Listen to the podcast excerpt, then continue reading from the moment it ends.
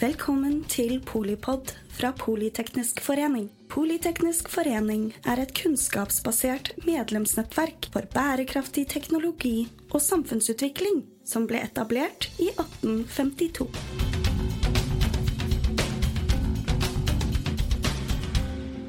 Velkommen til Polipod og det jeg brenner for. I denne årsspesialen fra Polipod hører du medlemmer av direksjonen i Politeknisk forening snakke om hva som er og blir viktig på sine områder i 2024. Tina Saltvedt, du er sjefsanalytiker i Nordea. Hva brenner du for? Jeg brenner jo for eh, klima, natur og finans i en kombinasjon. Eh, og det er jo nettopp det jeg jobber med. Eh, for det jeg ønsker, og det jeg syns er veldig veldig spennende, det er å se på hvordan kan finanssektoren bidra til å løse klima- og naturproblemene vi har, også de sosiale problemene selvfølgelig. Prøve å forstå de sammenhengene. Hva vi ikke klart å gjøre godt nok tidligere. Hvorfor fortsetter pengene å strømme i feil retning? Og hva skal til for at pengene kan skifte retning og støtte da utviklingen som gjør at vi faktisk når 1,5-gradersmålet og klarer å håndtere naturkrisen? Mm. Ja, hvordan, hvordan, gjør vi det, da? ja, det er et godt spørsmål, for det er jo ikke en enkel sak. Um, det, det, første man må gjøre, er å begynne å tenke litt på verdi og prissetting på en annen måte enn det vi har gjort tidligere. Så det vi ikke har gjort, eh, det er at vi ikke har tatt med i investeringsbeslutninger eller finansieringsbeslutninger, så har vi ikke tatt med kostnaden eh, på lang sikt, altså kostnaden på miljø og på klima med, eh, med, hvordan vi lever i dag, eller hvordan prosjektet eller den bedriften vi jobber med, hvordan den påvirker. Altså hvilket fotavtrykk får dette prosjektet f.eks., eller har denne bedriften. Vi, eh, og det er grunnen til at man ikke har tatt med det, det er gjerne at effektene av det vi gjør kommer på veldig lang sikt. Eh, finansmarkedet er dessverre veldig kortsiktig ofte. Slik at det er jo der vi har gjort en god del feil som vi må prøve å rette opp i. Så vi må prøve, når vi ser på altså, inntekten og profittstrømmen, cashflowen, til et prosjekt, så må vi også ta med de langsiktige kostnadene. Så da må vi prøve å finne ut ok, setter jeg i gang dette prosjektet, hvilket avtrykk vil det få? Og hvis jeg da tar med de kostnadene som det avtrykket vil få på lang sikt, ja da tror jeg faktisk at kapitalen vil begynne å bevege seg i andre retninger. Så det er noe av det spennende vi holder på med nå. Mm. Eh, og du har jo ikke alltid jobbet med altså det bærekraftig finans. Hva er det som gjorde at du begynte med det du jobber med i dag, og at du engasjerer deg så mye for det nå? Nei, jeg begynte jo helt i den andre eh, enden. Jeg begynte som oljeanalytiker. Eh, og fulgte oljemarkedet og lagde prognoser og fulgte de store trekkene. Og så fant jeg etter hvert ut at dette her er ikke, ikke, veien å gå. Og da begynte jeg å tenke at uh, altså, Det har vært veldig lærerikt, for jeg har lært meg veldig mye om energimarkedet. Så det jeg tenkte da, hvordan kan jeg bruke den kunnskapen jeg har innen energimarkedet og innen finans, til å bidra til kanskje å dytte verden i en litt bedre retning, eller en litt grønnere retning. Så da tenkte jeg finans og energi. Slår det sammen, så blei det bærekraftig finans. Så det var rett og slett en sånn egen følelse om at det her Det bidrar ikke til å få verden i en bedre retning. Eh, og da må jeg gjøre noe fordi at eh, jeg har lyst til å bidra til å få verden i en bedre retning. Så da måtte jeg skifte jobb, rett og slett. Og det gjorde jeg. det er bra. Eh, Syns du det går fort nok? Overhodet ikke. Vi må ha mye større tempo for, eh, for, å nå klimamålene. Og jeg tror noe av utfordringen vår det er at um, altså, vi, vi, har ambisiøse mål, men vi har ikke en ambisiøs nok politikk som inkluderer hele samfunnet. Altså, det er en storstilt endring som må til. Så vi har, altså vi har begynt, vi har begynt å få masse elbiler. Vi satser også på noe grønn energi, men det er ikke nok. Vi må faktisk endre alt fra altså hele selvfølgelig energimarkedet, men vi må også endre på hvordan organisasjoner tenker, på oss som forbrukere, hvordan vi tenker rundt ting. Eh, først da tror jeg at vi virkelig klarer å få til dette skiftet. Og der er vi ikke helt i Norge ennå. Nei. For det er jo altså I finansverden så er det jo fokus på vekst, etter sånn jeg forstår det. Eh, men vi får jo høre at vi må ned i forbruk av ting og energi. Hvordan henger det sammen i finansverdenen? Hvordan jobber, jobber dere med det?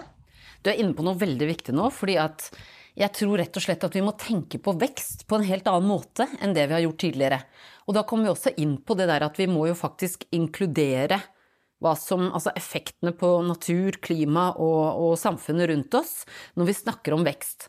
Så grønn vekst eh, må vi heller kanskje se på. Hvordan vi faktisk kan ha en økonomisk utvikling, men som ikke går på bekostning av jorda, på, på klima, på samfunnet. Eh, slik at vi faktisk kan ha et eh, godt liv, eh, og vi kan ha sunne bedrifter, et sunt næringsliv, men da ikke har det store fotavtrykk som vi har. Og da må vi faktisk endre på måten vi investerer og finansierer på, men også endre på måten vi forbruker på. Så det vekstmålet vi har, det er gammeldags, det må vi bort fra. Og så må vi ha et nytt vekstmål som tar hensyn til klima og natur og sosiale forhold. Det er jo ikke kjempelett å spå fremtiden, men hva er det du tror blir viktig i året som kommer? Ja, 2024 blir veldig spennende. Hvis vi ser på det globale først, så er det jo noe som er veldig viktig. Det er valget i USA. Og det må jeg si jeg gruer meg litt til også. Fordi at um, det er jo altså, skrekk og gru hvis Donald Trump skulle bli eh, valgt. Eh, og det vil også ha en stor påvirkning på arbeidet som nå skjer med klima, og spesielt klima og natur. Sånn at eh, det kommer jo til å ta nyhetene nå um, ganske tidlig og følge utviklingen der, så det blir superspennende å se hva som skjer i USA. Eh, så er det jo selvfølgelig da den geopolitiske uroen som er rundt i verden. Vi har jo hatt en krig i Ukraina nå, og den det, Altså, vi får se utviklingen der, men den har jo hatt en veldig stor påvirkning på hvordan vi tenker rundt eh, energi og energiforbruk, og eh, sikkerheten rundt energispørsmål. Eh, og så er det jo selvfølgelig også uroen som skjer nå rundt, eh, rundt eh, Palestina og Israel. Men så er det også en annen viktig brikke, og det er jo den politiske spenningen rundt Kina. Kina er jo en kjempestor og viktig eh, spiller her. Mm. Om den kommer til å øke den spenningen som har vært mellom USA og Kina, eller om man klarer å komme til en litt bedre ro rundt det, slik at man eh, Slik at ikke den altså spenningen fortsetter å, å, å øke. Så Geopolitikk den har vi jo brutalt fått møte de siste par årene. Og så håper jeg jo på at de ulike spente situasjonene vil Altså at man øh, At det vil utvikle seg til det bedre, selvfølgelig der. Det er jo noe vi alle absolutt håper på. Mm. Men det vil jo, vil jo definitivt øh, prege verden mye. Og så vil jo det bli spennende å se hva utfallet av denne, dette store klimatoppmøtet som, som skjer nå i disse dager. Fordi at eh, det jeg håper på, eh, som vil også prege fremover, det er at man får noen ambisiøse planer, bl.a. for å fase ut eh, fossil energi. Det vil selvfølgelig, Får man et så ambisiøst mål, så vil det komme til å prege alle de alle olje og fossile produserende land, også Norge. Og da tenker jeg at eh, da må vi også her begynne å se på hvordan skal man begynne å få en strategi for hvordan man kan få i gang den store energitransformasjonen mye raskere i Norge, men også se på hvordan man kan bygge ned eh, fossil og opp fornybar. For samtidig som man har Altså man skal bygge ned nå under Altså han kommer til en, en enighet om, eh, forhåpentligvis, da, eh, om um, å bygge ned fossil energi, så må man samtidig bygge opp og investere mye, mye mer i fornybar. Det må gå parallelt, så vi slipper de store, store prissvingningene. Så lykkes vi der, på dette møtet, ambisiøse mål, ambisiøs tidslinje for å få det gjennom, da har vi gjort et kjempestort sprang fremover, tenker jeg. Mm. Når, det er kanskje litt vanskelig å si, men når tror du vi er ferdig med fossilt i Norge? Det, akkurat sånn som det ser ut nå, så ser det ikke ut som vi kommer til å bli det før, den, eh, før de lysene slokker av seg selv.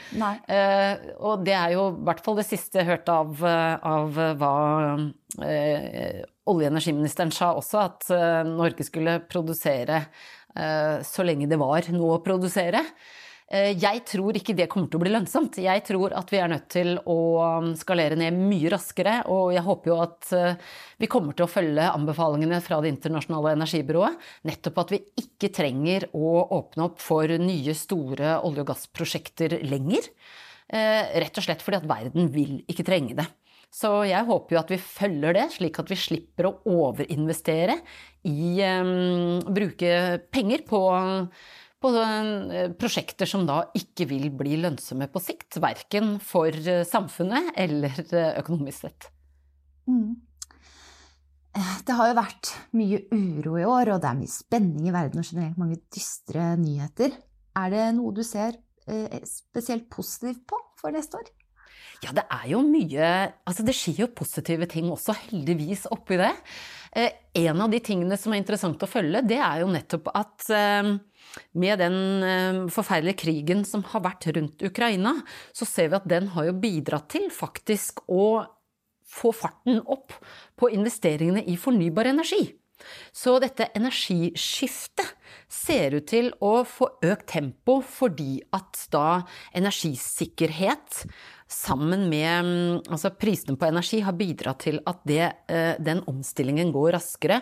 Først og fremst i Europa, men også andre steder. Vi ser jo da den store subsidiepakken, IRA, eller, eh, som kom i, i USA. Mm. For det vi ser, er jo nå at investeringene i fornybar energi øker raskere og er høyere samla sett i verden eh, i fornybar enn det det er i fossilt. Og det er en god nyhet.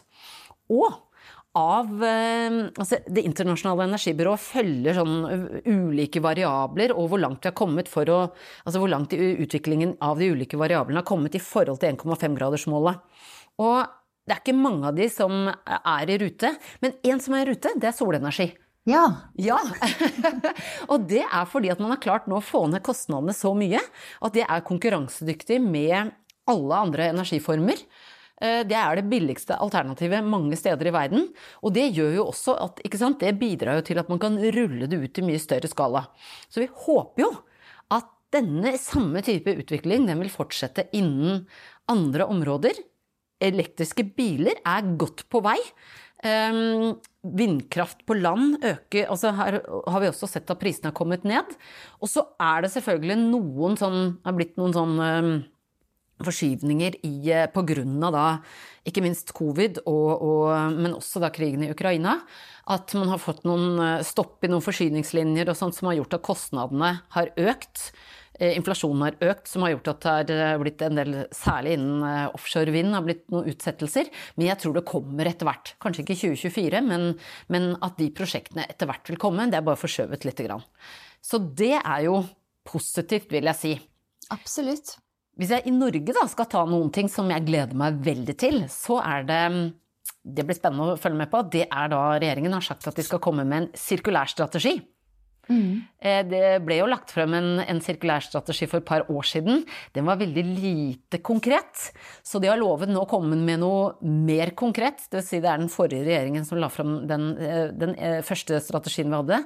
Så nå skal det komme en oppdatert og mer konkret versjon. Den gleder jeg meg veldig, veldig til. Og så gleder jeg meg veldig til å jobbe mer med naturspørsmålene.